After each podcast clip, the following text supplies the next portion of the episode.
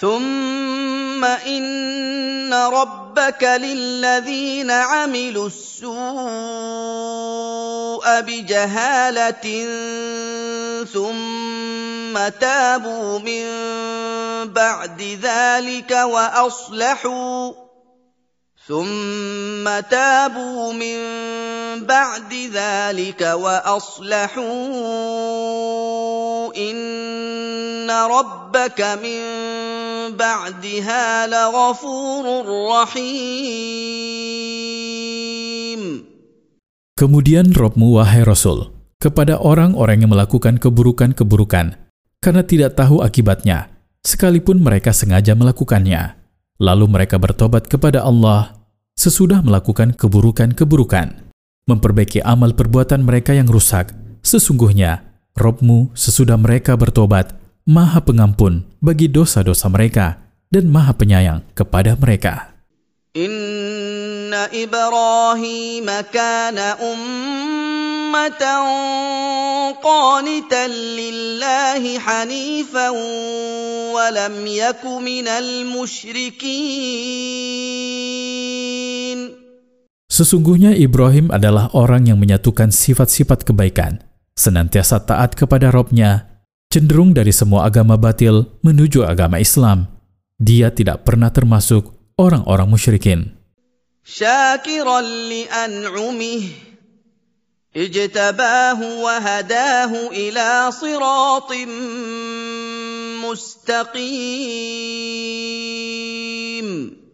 Dia adalah orang yang bersyukur atas nikmat-nikmat yang Allah berikan kepadanya. Allah memilihnya untuk menjadi nabi dan membimbingnya kepada agama Islam yang lurus.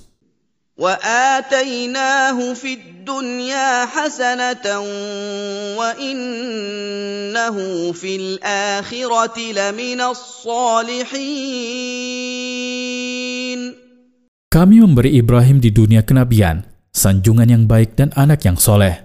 Sesungguhnya, dia di akhirat termasuk orang-orang soleh yang Allah siapkan bagi mereka derajat-derajat yang tinggi di surga.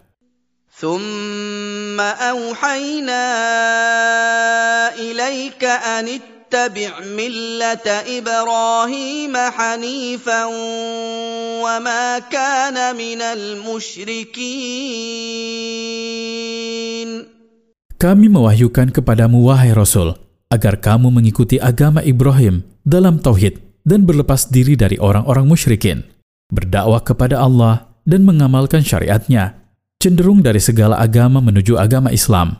Dia bukan termasuk orang-orang musyrikin sebagaimana yang dituduhkan oleh orang-orang musyrikin. Sebaliknya, dia adalah orang yang mentauhidkan Allah.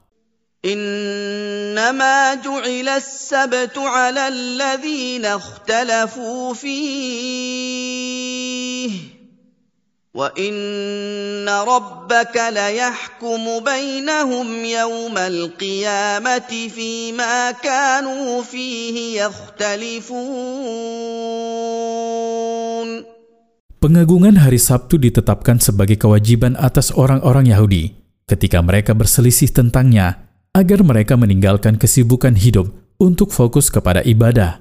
Sesudah mereka tersesat dari hari Jumat yang mereka diperintahkan agar menghususkan beribadah pada hari itu. Sesungguhnya, Robmu wahai Rasul, benar-benar akan menetapkan keputusannya di antara mereka yang berselisih pada hari kiamat tentang apa yang mereka perselisihkan, lalu membalas masing-masing sesuai dengan amal perbuatannya. ادع الى سبيل ربك بالحكمه والموعظه الحسنه وجادلهم بالتي هي احسن ان ربك هو اعلم بمن ضل عن سبيله وهو اعلم بالمهتدين Ajaklah, wahai Rasul, kepada agama Islam, kamu dan orang-orang beriman yang mengikutimu dengan cara yang sesuai dengan keadaan objek dakwah, pemahaman, dan ketundukannya.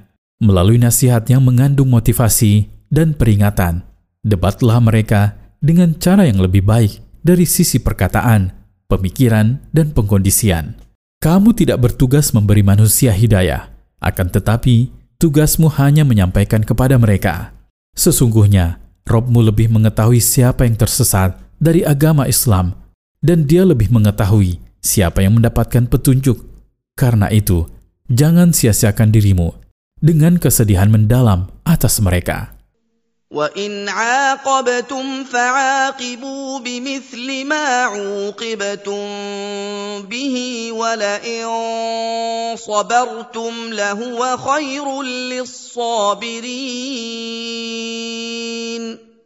Bila kalian hendak menghukum perlakuan musuh kalian, maka hukumlah dengan hukuman seperti yang mereka lakukan terhadap kalian, tidak lebih.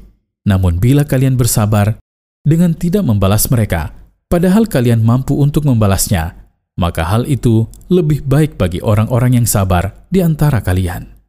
واصبر وما صبرك إلا بالله ولا تحزن عليهم ولا تك في ضيق مما يمكرون Bersabarlah wahai Rasul atas apa yang menimpamu berupa gangguan mereka pertolongan untuk sabar yang kamu dapatkan hanya karena taufik dari Allah kepadamu maka jangan bersedih karena orang-orang kafir berpaling darimu jangan sempit dada karena ulah mereka berupa tipu daya dan makar.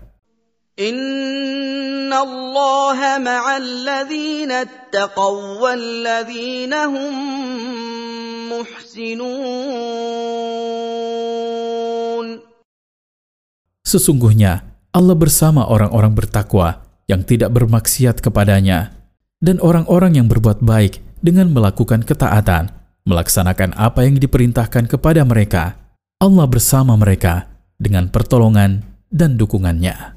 Faidah dari ayat-ayat di atas. Pertama, dihalalkannya apa yang halal lagi baik, yang tidak mengandung mudarat.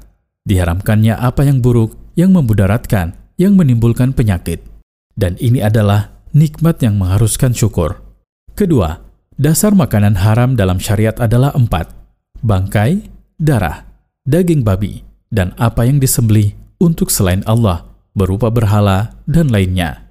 Ketiga, boleh makan sebagian dari apa yang diharamkan dalam keadaan darurat, yang bila tidak makan, maka dikhawatirkan terjatuh ke dalam kebinasaan.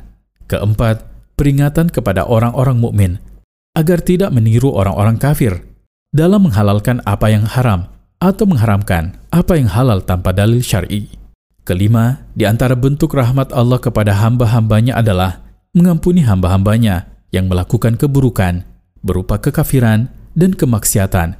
Kemudian mereka bertobat kepada Allah dan memperbaiki amal perbuatan mereka. Allah mengampuni mereka. Keenam, sangat baik bagi seorang muslim menjadikan Ibrahim alaihissalam sebagai teladannya. Ketujuh, hendaknya para dai yang menyuruh kepada Allah mengikuti tiga metode ini, hikmah, nasihat yang baik, dan berdebat dengan cara yang lebih baik. Kedelapan, Hukuman ditimpakan sepadan dengan kejahatan, tidak lebih.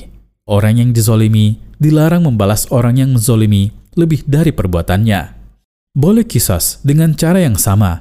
Misalnya, barang siapa membunuh orang lain dengan besi, maka dia dibunuh dengannya. Dan barang siapa membunuh orang lain dengan batu, maka dia dibunuh dengannya. Namun, tidak boleh melampaui batas yang seharusnya.